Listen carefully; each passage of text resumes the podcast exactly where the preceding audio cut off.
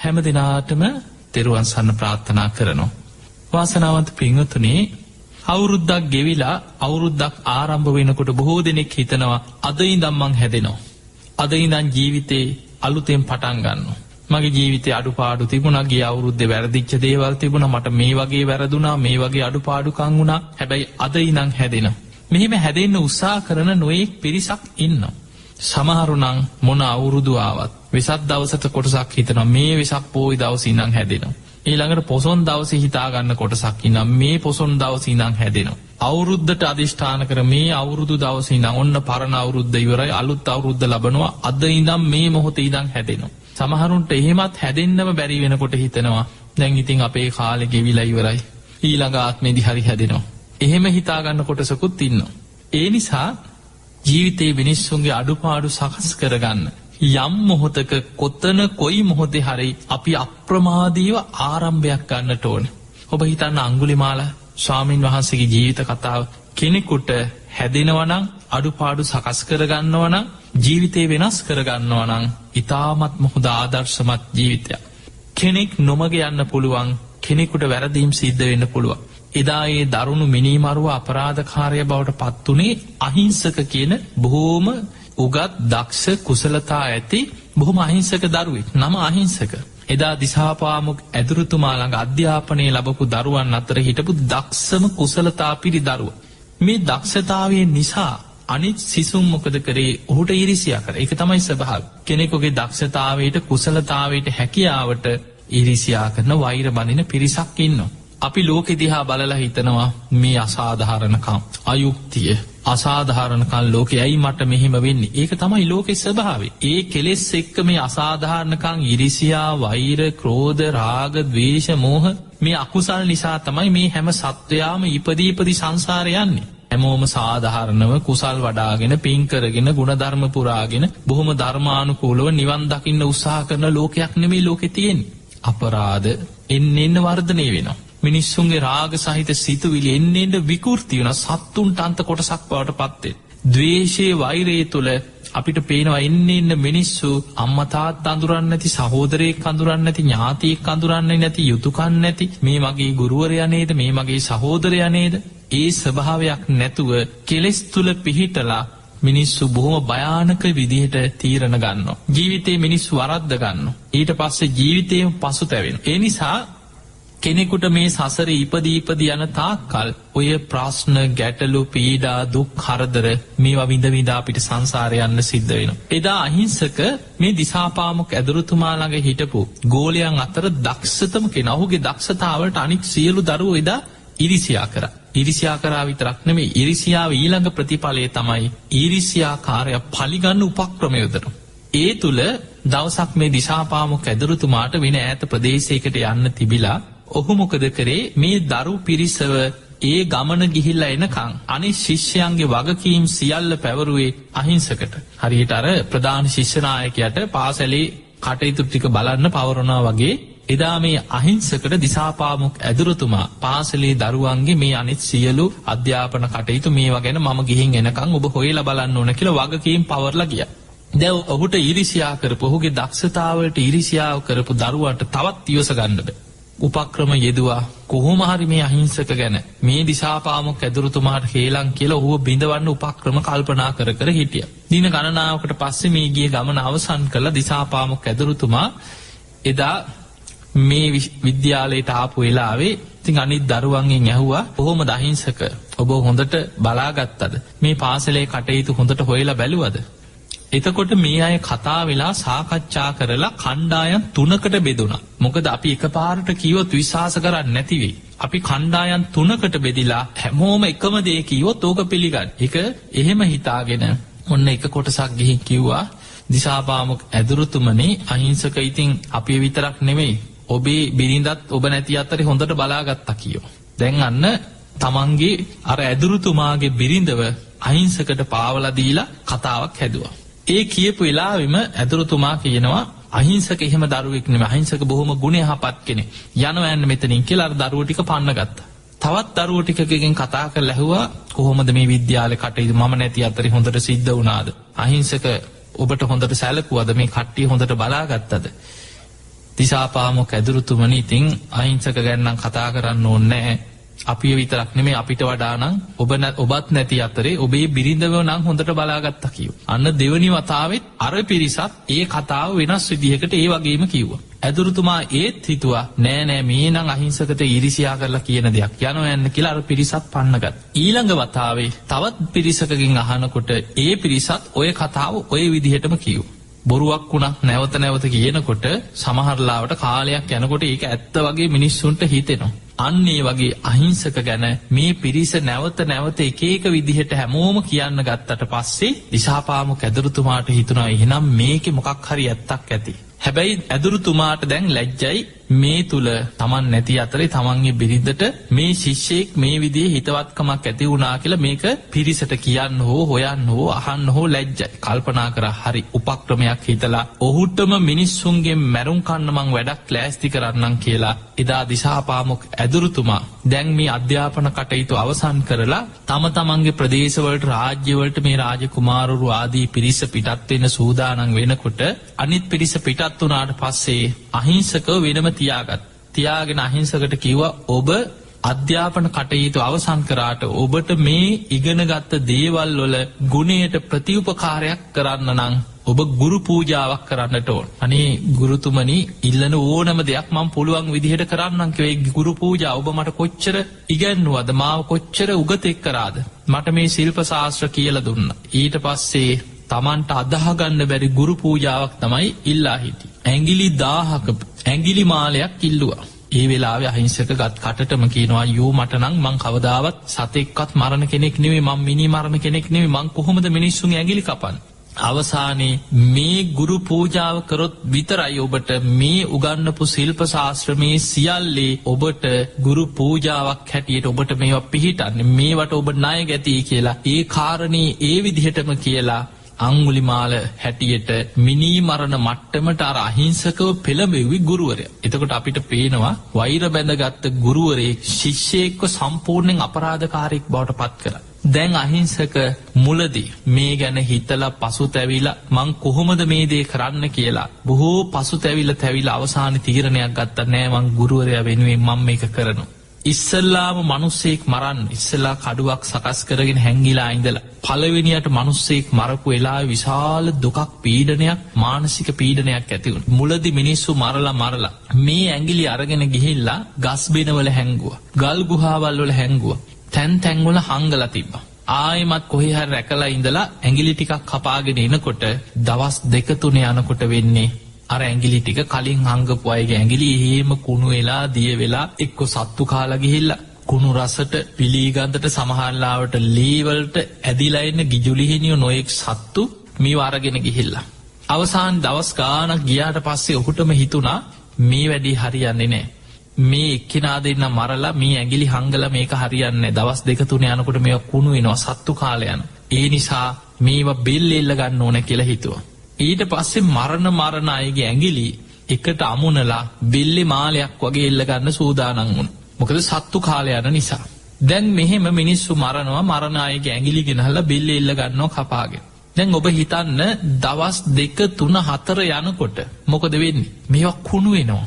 මෙ කුණු වෙලා මිනී කුණු ගඳ හමනෝ. මේ කුණුවෙච්ච ඇගිලිවල දුර්ගන්ධය වගේ නෙමෙයි ඒවා කුණු වෙලා ඕජාව ඇගේ වැැක්කෙරෙනවා. එතකොට මේව ගලෝල විසි කරලා ඊළඟට අලුත් ඇගිලි දාගන්නවර කුණුවෙන් ඇගිලි විසි කර. දැන් ඔබ හිතන්න මේ විදිහට මිනී මරණකොට ඇගිලි දාහක් හොයාගන්න එක්කෙනෙ හරියට දාහක් මරල ඇගිලි දහක් හොයන් හම්බෙන්න ඒමනං අපිට පේනොම අංගුලි මාල දේශනාව තුළ බලනකොට නමසියානු නමයක් මරපු කෙනෙක් නෙමෙයි දහස් ගානක් මිනිස්සු මැරුව ඇගිලි දාහක් හොයාගන්න අවසානි කල්පනා කරා මේක මේ එක්කිනා දෙන්න මරලා කවදාවත් මට ඇගිලි දාහක් හොයාගන්න හම්බෙන්නේ හැබැයි මෙහෙම මිනි මරණකොට මිනිස්සුත් නිකං ඉන්න මිනිස්සු මොකද කරේ මිනිස්සු රජ්ජුරුවන්ට ගිහිල්ල කිව රජතුමනි මේ විදිහේ මහා මිනිමරුවෙක් පල් හොරෙක් ගම්මානවලට පැනලා මිනිස්සු මරනෝ. අංගුලි මාලකැන පුදුම කාය ශක්තියක් ඇති කෙනෙ. රජ්ජුරුව රාජ බටයෝ කණ්ඩායන් ගණනාවක් ඇරි අංගුලි මාලවල්ලත් සමහර පණහා සීය මේ වගේ කණ්ඩායන් ඇරිය. ඒ යවපු සියලු දෙනාම අංගුලි මාලාතින් මැරුම් කෑව. අවසාන රජ්ජුරුව පවා බියට පත්වෙලා විශාල සේනාංකයක් සකස් කරා හරියට යුද්ධකට යන්න වගේ මේ එක පුද්ගලයෙක් අංගුලිමාල වල්ලගන්න විශාල සේනාංකයක් තකස් කර.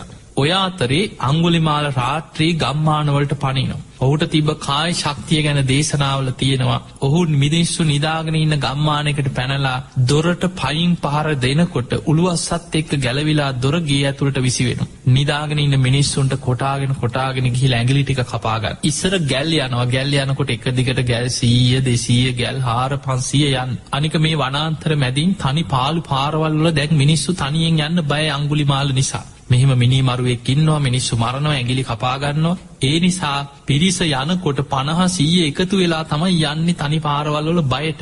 එහෙම යනකොට හංගුලිමාල කතාවේ සඳහන් වෙනවා කරත්ත හාර පන්සිය යනවා. මේ කරත්ත සියල්ල යන්න ඇර ළමහා කැලේදී අංගුලිමාල මොකද කරන්නේ කඩුව අමෝරාගෙන කරත්ත පස්සිම් පන්නගෙන පන්නගෙන අර පිරිසට කොටාගෙන කොටාගෙන ඉස්සරහට යනකොට කීප දෙනෙක් පැනල කෑගහගෙන කැලෙන් පැල්ල දවාගෙන ජීවිත බේරගන්න.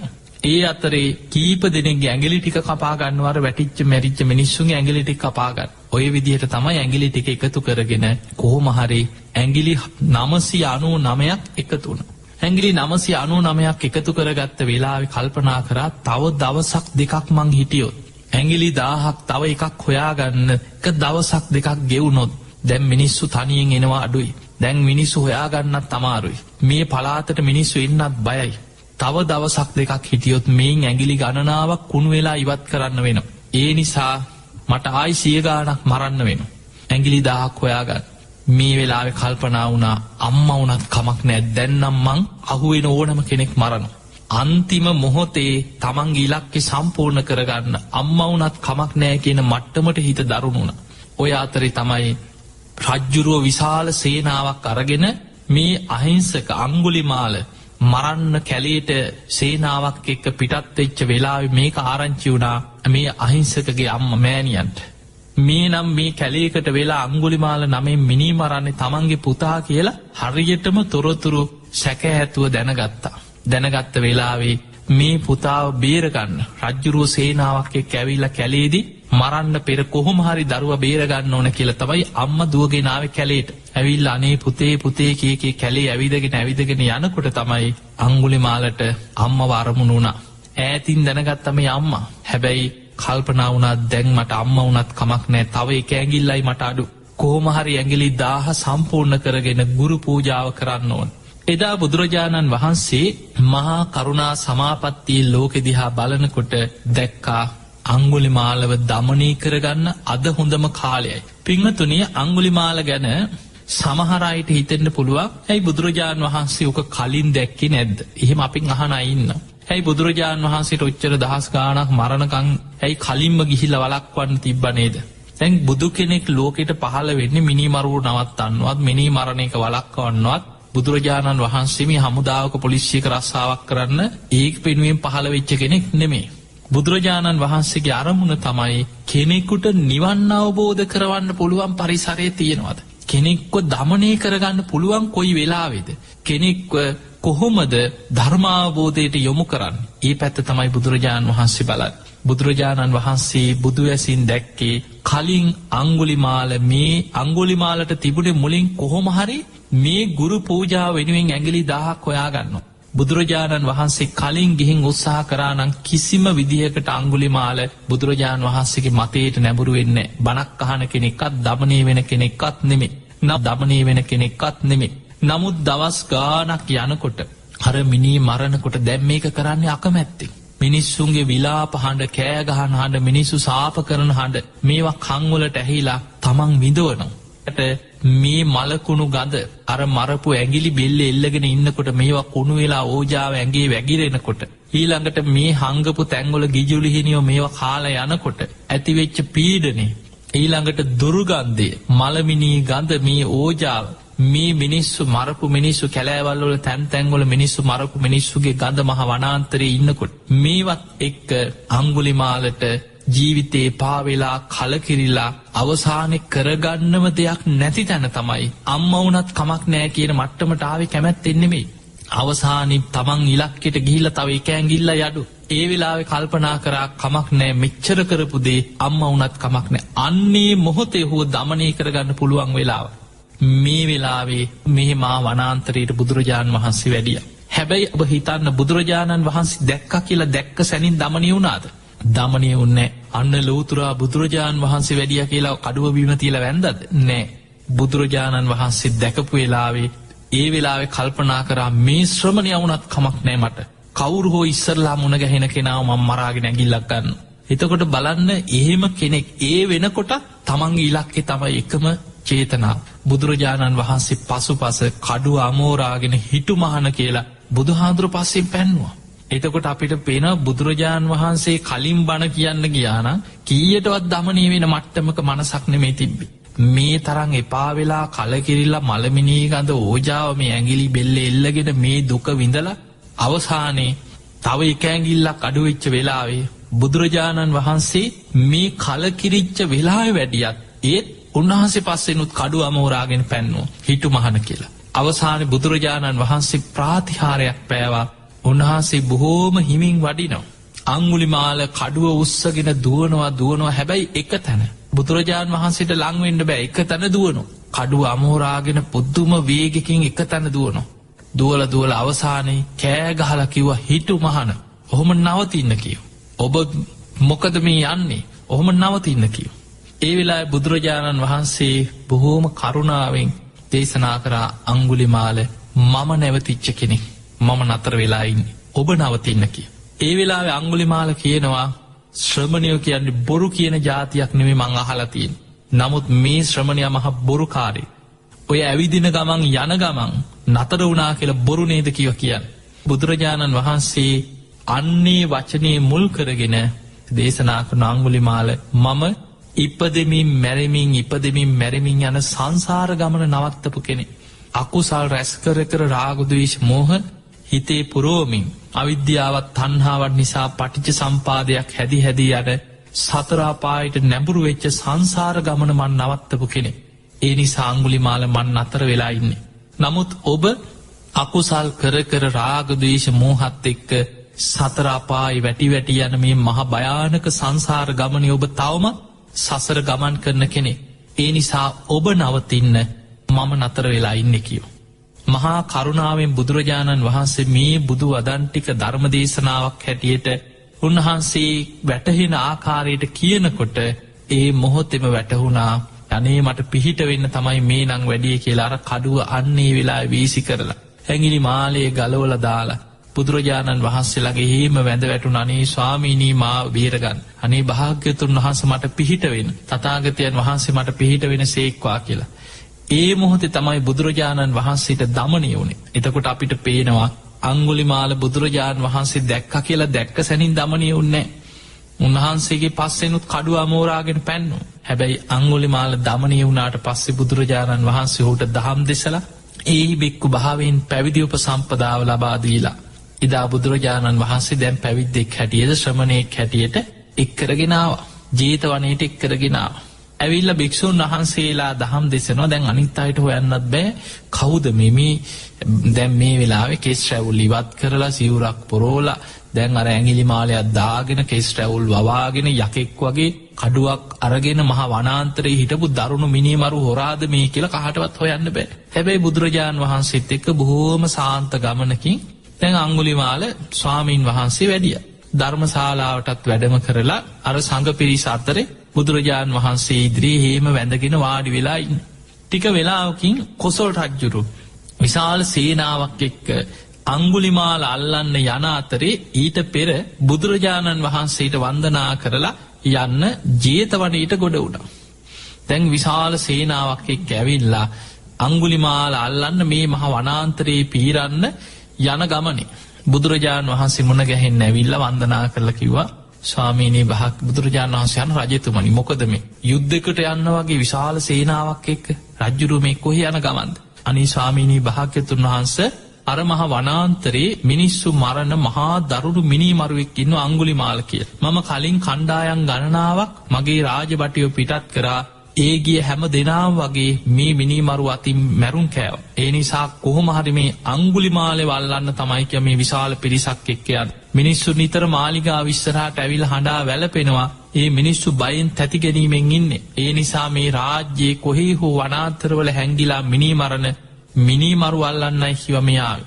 මේ යන ගමන් බුදුරජාණන් වහන්සේ යහනවා රජතුමනි ඒ මිනී මරුවා.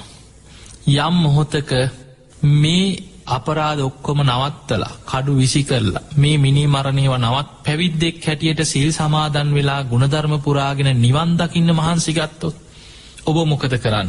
අනී ස්වාමිනී භාකතුන් වහන්ස ඔය මිනි මරුව ඔය අපරාධකාරයක් කොහොම දැහුව මේ පැවිදි වෙලා නිවන් දකින්න වීරිය වඩන්. නමුත් ඉතින් ස්වාමිනී භාක්‍යතුන් වහන්සේ එහෙම ධර්මාබෝධයට වීරය වඩන ශ්‍රමණයන් වහන්සේ කෙනෙක් නම් මම ඉතිං ඔහුට අනිත් භික්‍ෂූන් වහන්සේලට වගේම වන්දනා කළ ගරු සත්කාර කරලා ඒ විදිහටම සිව් පසේනුත් තැප උපස්ථාන කරනවා. ඔහු ඒ අපරාධ අතහැරල ඔහු ධර්මානුකුලෝ බණභාවනා කරගෙන සිල්ගුණ දහම් වඩාගෙන ඉන්න කෙනෙක් නම්. අන්න එහෙම කියපෙලායි බුදුරජාණන් වහන්සේ දැන් රජ්ජුරුවෝ අංගුලිමාලට පැවිද්දෙක් නං ඔහු පැවිදි වෙලා සෙල්ගුණ දහම් රැකගෙන ඉන්නවනං රජ්ජුරුවෝ සමාව දෙන බව තමයි මේ නොකිය කිවේ.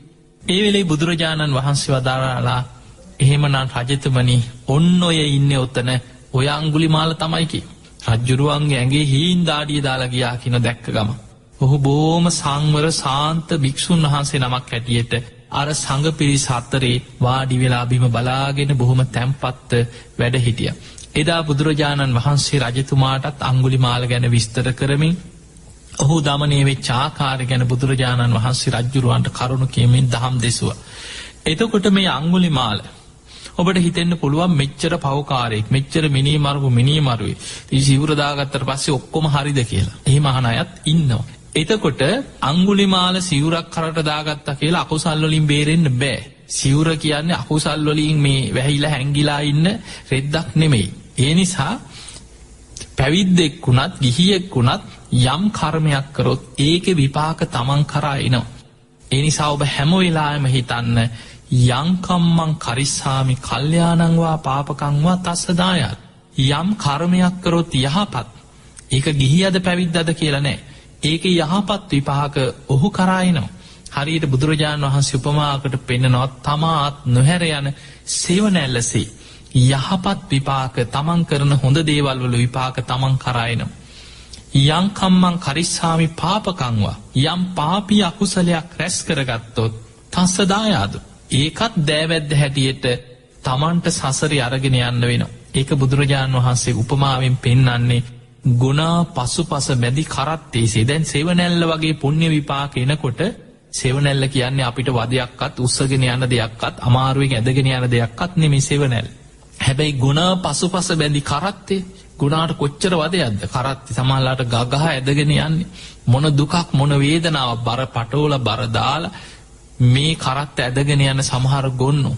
කොච්චර දුකක් විඳිනවද කඳුවල අදීනකොට ඔබ දැකල ඇති අදනං ඒ වගේ සත්තුන්ගෙන් ගොන් කරත්ත අද වැඩිය දකින්න නෑ නමුත් සමහර පලාත් තුළ අදටත් තාමත් ඒ පැරණි ගම්මානවල පැරණි ප්‍රදේශවල දකින්න තියෙනවා. එතකොට බුදුරජාණන් වහන්සේ උපමා කරේ ගොනා පස් පස බැදි කරත්තේ වගේ.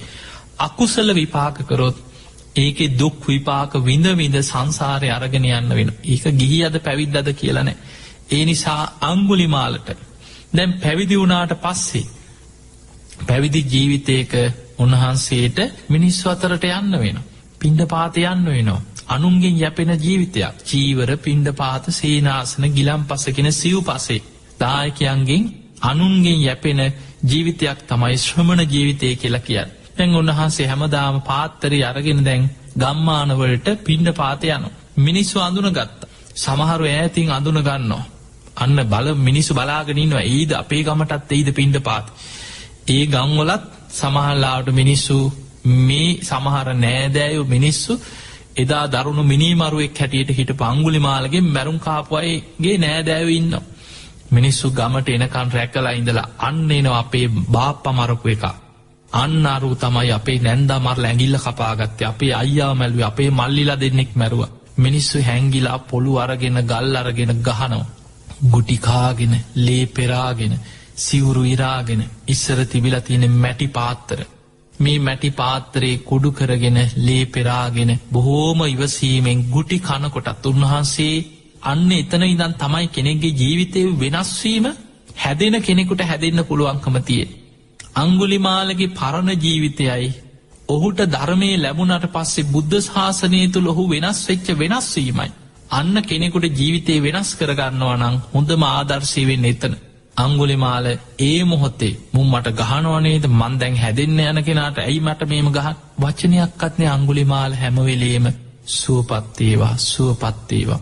මට නින්දා කරන අයිද මට පහර දෙන අයිද මට බනිනයිද මගේ හතුරෝද මගේ මිතුරෝද මගේ නෑයෝද මගේ නොනෑයෝද මේ සියලු දෙනා සුවපත්තේවා කියක මෛත්‍රියෙන්ම අච්චර දරුණු මිනී මරුවට මෛත්‍රියෙන්ම හිත දමනය කරගෙන හිත රැකගත්තා. උන්වහන්සේ උදේම පාත්තරි අරගෙන එලියට බහින්නේ. අද මේ පින්ඩ පාත යන ගමනින් මට මුණගැහෙන මට බනින මට නින්දා කරන මට ගල්ලොලින් ගහන මට පොළුවලින් ගහන අතින් පයින් ගහන මේ සියලු දෙනා සුවපත්තේවා. ඒ අයටත් මේ උතුම් ධර්මයම අවබෝධ කරගන්න ලැබේවා. ඒ අයටත් මේ උතුම් ධර්මමාර්ගේම හැසිරෙන්න්න කල්්‍යාන මිත්‍ර ශ්‍රීවනය ලැබේවා සද්ධර්මශ්‍රවනය ලැබේවා. අනේ මේ සියලු දෙනා සුවපත්තේවා. පියවරෙන් පියවර මෛත්‍රී වඩමින් තමයිකෙන උන්හසේ පින්ඩ පාතයන් මේ අන ගමනේ බොහෝ දවස්වලට ගුටිකාගෙන ලේ පෙරාගෙනනම් බුදුරජාණන් වහස් ඉදිරියට ඇවිල්ලා පෙනීඉන්නකොට තතාගතයන් වහන්සේ දේශනා කරන අංගුලි මාල ඔබම කරපු අකුසල්වල මෙලොව විපාක කොටස් ඔබේ පස්සෙන් ඔයනවා. එතකොට කරන කර්මවල සමහර විපාක දිට්ට දම්ම වේදනිය වෙනවා. ඒ වගේ අංගුලිමාර මේ මිනී මරපු මිනිමැරුම් කරපු අපරාධවල මෙලව විපාකදිය යුතු කොටස් තියෙනවා. ඒවට කෙන දිට්ට දම්ම වේදනී. සමහර කර්ම විපාක දෙන ඊළඟ ජීවිතය. උපපජ්්‍ය වේදනිය. නිවන් අවබෝධ කරගන්න නැතුව සසර හිටියනං අපරාපර්යවේදනය සසරේ කල්ප ගානක් හරි කවදහෝ යම් දවසක හෝ නිවන් දකිනවද ඒ දක්වාම විපාක විඳවිඳ යන්න තරම් කර්ම ගොඩක් ක්‍රැස් කරගත්ත කෙනෙක් එදාංගුලිමාල් හැබැයි බුදුරජාණන් වහන්සේ වදල අංගුලිමාල ඔබ වීරිය කරන්න.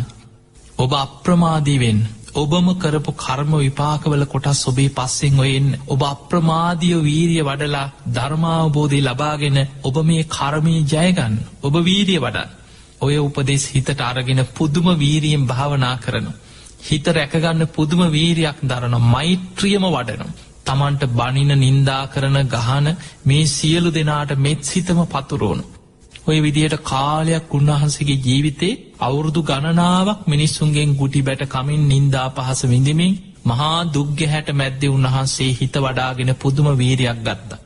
තාම උන්වහන්සේ රහත් වෙලා නෑ දවසක් උන්වහන්සේ පින්න පාති වඩිනකොට එක ගෙදරක දරුවෙක් ලැබෙන්නේ නම්ම කෙනෙක් විලාප නගනුවත් දරුව බිහිවෙන්නේ. මාරණාසන්න වේදනාවක් ඇතිවෙලා මරණාසන්නව දුක්විදිනවත් දරුව බිහි නොවයි.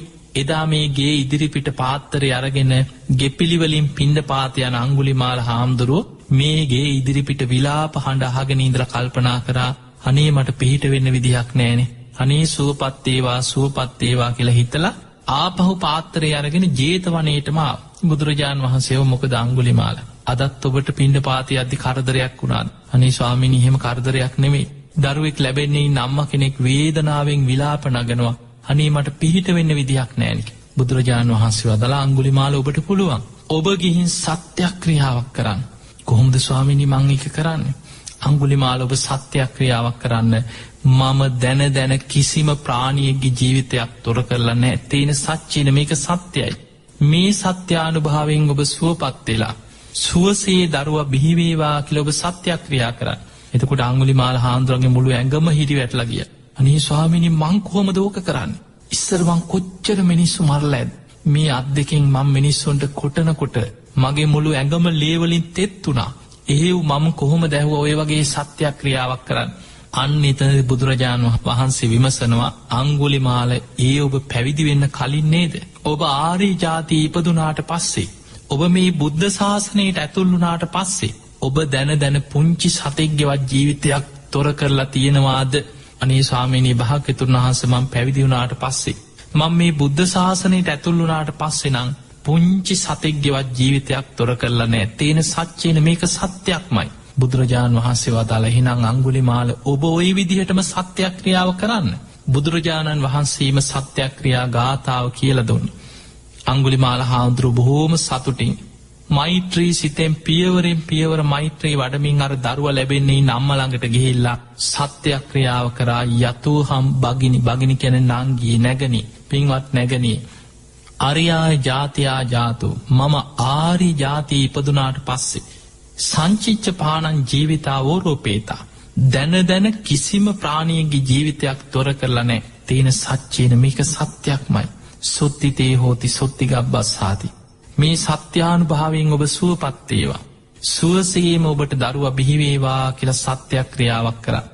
ඒ සැනින් වේදනාව දුරුවනා මරණාසන්නව හිටපු අම්මයි මොහොතේම සුවපත්වෙලා කිසිම වේදනාවක් නැතුව සුවසේම දරුව බිහිවුණා මේ සත්‍යයක් ක්‍රියාව බලේ. එදා මැරෙයි මැරෙයි කියලා විශාල පිරිසක් බලාගෙන දුක් විඳවිඳ අයෝ මේ වෙන අපරාධි කියලා මිනිස්සු ගංවල අහල පහල මිනිස්සු අර විලාප හඬට එකතු වෙච්ච සියලු දෙනා මේ අංගුලිමාල හාමුදුරන්ගේ සත්‍යයක් ක්‍රියාව ප්‍රාතිහාර බලය ඇස් දෙකින්ම දැක්කා. ඒ මොහොතේ මිනිස්සු කියන්න ගත්තා මේ අංගුලි මාල ගැන අපි හිතං හිටපුදේ වැරදි. උන්වහන්සේ කලින් මිනීමැරුව තමයි හැබැයි මේ පැවිදි වුණාට පස්සේ බුද්ධ ශාසනයට ඇතුළුනාට පස්සේ පුංචි සතෙක්කත් මරලා නැති කෙනෙ.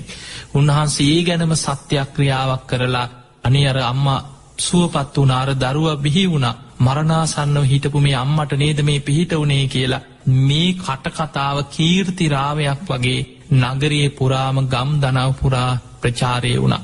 ඊට පස්සේ තමයි කියන ටික ටික ටික ටික මිනිස්සු ගංවලදි පින්ඩ පාත යනකොට අල්ලගෙන ගහන නින්දා කරන පහර දෙන ස්වභාවේ ටික ටික අඩුවෙලාගිය. එතකොට අපිට පේන අංගුලි මාල හාමුදුරුවන්ට තමන් කරපු කර්ම විපාක පිරිනිවන් පානකන් සසර ලැබුණා. සමහර දේශනාවල තියෙන අංගුලි මාල හාමුදුරන්ගේ අකුසලේ කොච්චර බලවද්ද කියන්න. උන්වහන්සේ පින්ඩ පාතය වඩිනකොට මිනිස්සු අල්ලගෙන ගහන්න හිටියේ නැතත් ගහකට හරි පොල්ලක් ගැහුවොත් සමහරු අම්බවකොල්ලට ගෙඩිවලට දරුවෝ ළමයි ගහනව ගල් ගහනව පොළු ගහනව ගස්වල. ඒ ළඟ පාරක ගියොත් අංගුලිමාල හාන්දුරුව පොල්ලක් හරි ගලක් හරි ගහකට ගැහුවත් කැරකිලා එන්න උන්වහන්සේ ඔළුවට කිය. ලේ පෙරාගෙන ගුටිකාගෙන අර ගල් පාරවල් කාගෙන අහක යන ගලුත් වදින්. අපි කියනවා කර්ම විපාක එනකොට මේ අහක යන ගලුත් කැරකිලා තමන්ගේ මැඟට එනවා කෙළේ වගේ අංගුලි මාල හාන්දුරන්ගේ ජීවිතෙත් ඒ වගේම දුක්විඳගෙන හැබැයි උන්වහන්සේ වීරිය වඩාගෙන මං කොහොමහරි මේ ජීවිතේම මේ සංසාර ගමන අවසන් කරනු. නැත්නම් මට තව කල්ප ගණන් ගෙවන්න මේ අකුසල් ගිවාගෙන යන්න වෙනවා කියලා. පුද්දුම වීරියෙන් උන්වහන්සේ භාවනා කරලා කෝමරි ධර්මය අවබෝධ කරගෙන රහත් වනා. උන්වහන්සේට පුළුවන් වුණා සංසාර ගමන එතනින් නවත්තගත්.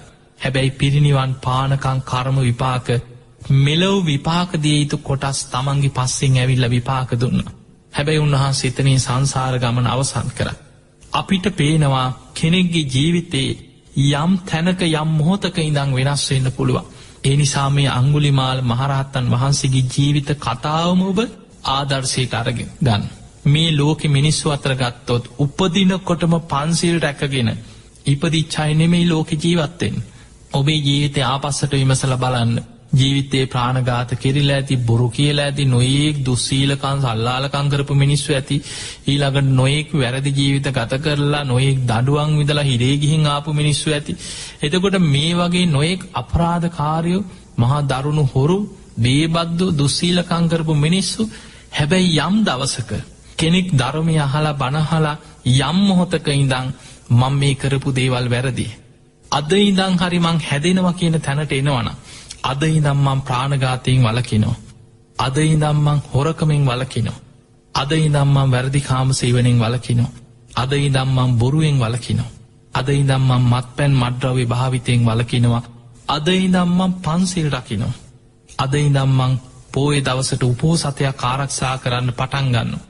අද ඉදම්මන් දවසකට එක්ක බනක් හරියහනෝ. හැමදාම් බුදුන් අදිනෝ. මේ විදිහට ජීවිතයේ පියවරෙන් පියවර අඩුපාඩු හදාගෙන ධර්මය කරා යන්න පුළුවන්නං අන්න එතන ඉදං ඔබට දියුණුවක්මයි. බුදුරජාණන් වහන්සේ පෙන්නනවා යමෙක් යම් මොහොතක ඉඳන් ධර්මී හැසිරෙන්න පටන්ගත්තද වලාකුලින් මිදිච්ච පුන් සඳක් බබලන්න පටන්ගන්නවා වගේ ඒ මොහොත ඉඳං ඔහුගේ ජීවිතය ධර්මයෙන් බැබලෙන්න පටන්ගන්න. ඒ නිසා නව වර්ෂය තව දින කීපයකින් අලුත් අවුරුද්දක් කියලා අපි විවහාර කරන විවහාරික වර්ෂයක් අපිට උදාවෙන. ඒ විවහාරික වර්ෂය තුළ ඔබ ජීවිතය හිතන්න ආපස්සට. ඔබට මේ දින කීපය ඔබ පුනරාවර්ජනය කරලා බලන්න පසුගිය අවුරුදුවල තමන් ගතකරපු ආකාරි. තමන්ට වැරදිච්ච තැන් ඔබ හිතලා මේ ජීවිතයේ මං මේ අවුරුද්දේ නං හරි. මං මේ අඩුපාඩු ආයමත් කරන්නේ. මගේ ජීවිතේ මං හැදෙනවා හද අඩුපාඩු සකස් කරගන්නවා ගුණධර්ම වඩාගන්න සද්ධාවෙන් දියුණු කරගන්න. සීලයෙන් දියුණු කරගන්නවා දහම් දැනුම ත්‍යාග සම්පත්තිය ප්‍රඥාව මේ ගුණධර්ම මේ අවුරුද්ධ ඉඳං හරිමං වර්ධනය කරගන්නවා කියලා ඔබ අප්‍රමාදීව ධර්මය දියුණු කරන්න උත්සාහයක් ගන්න. අන්නේ තුළ ඔබට මේ ලබන්නාව නව වර්සය සැබෑම ආකාරයට ඔබේ ජීවිතය අපි සුබ නව වසරක් වේවාක හැබැයි ඒක වචනයට විතරක් සීමා නොවී ඔබට සැබෑම සුබ නව වසරක් බවට පත්වෙන්න නං ලබන්නාව නව වසර. ඔබේ ලෞකික ලෝකෝත්තර දියුණුව අඩුම ගානෙ මානසික සංසිඳීමක් හරි ඔබට ඇති කරගෙන බොහොම සතුටෙන් ජීවත්වෙන්න නම් ප්‍රශ්න අඩු කරගෙන මම මේ ලැබිච්ච මනුස්ස ජීවිතෙන් යමක් කරගත්තා මං මේ අවුරුද්ධ නං යමක් කරගත්ත කියලා ඔබට ආපස්සට බල්ල සතුටු ඉන්න පුළුවන් වෙන්නේ ඔබ ලබන්නා වූ නව වසර තුළ ගුණධර්මවලින් ජීවිතය පුරෝගන්න උත්සාහයක් ගන්න. සාධාරණුව ධර්මිෂ්ටව දියුණුව කරායන්න සාධාරණව අවංකව උත්සාහගන්න. අන්නේ තුළ ඔබට ලෞකික දියුණුවත් ලෝකෝත්තර දියුණුවත් ඇති කරගෙන. සියලු දෙවියන්ගේ පිහිට රැකව නාශිර්වාදය ඔබේ ජීවිතවල සකස් කරගෙන. ඔබට උතුම් ධර්මය කරාම යන්න වාසනාව ලැබේවා ලැබේවා කියලපි ඔබට හදවති මාශිර්වාද ප්‍රාර්ථනා කරනවා.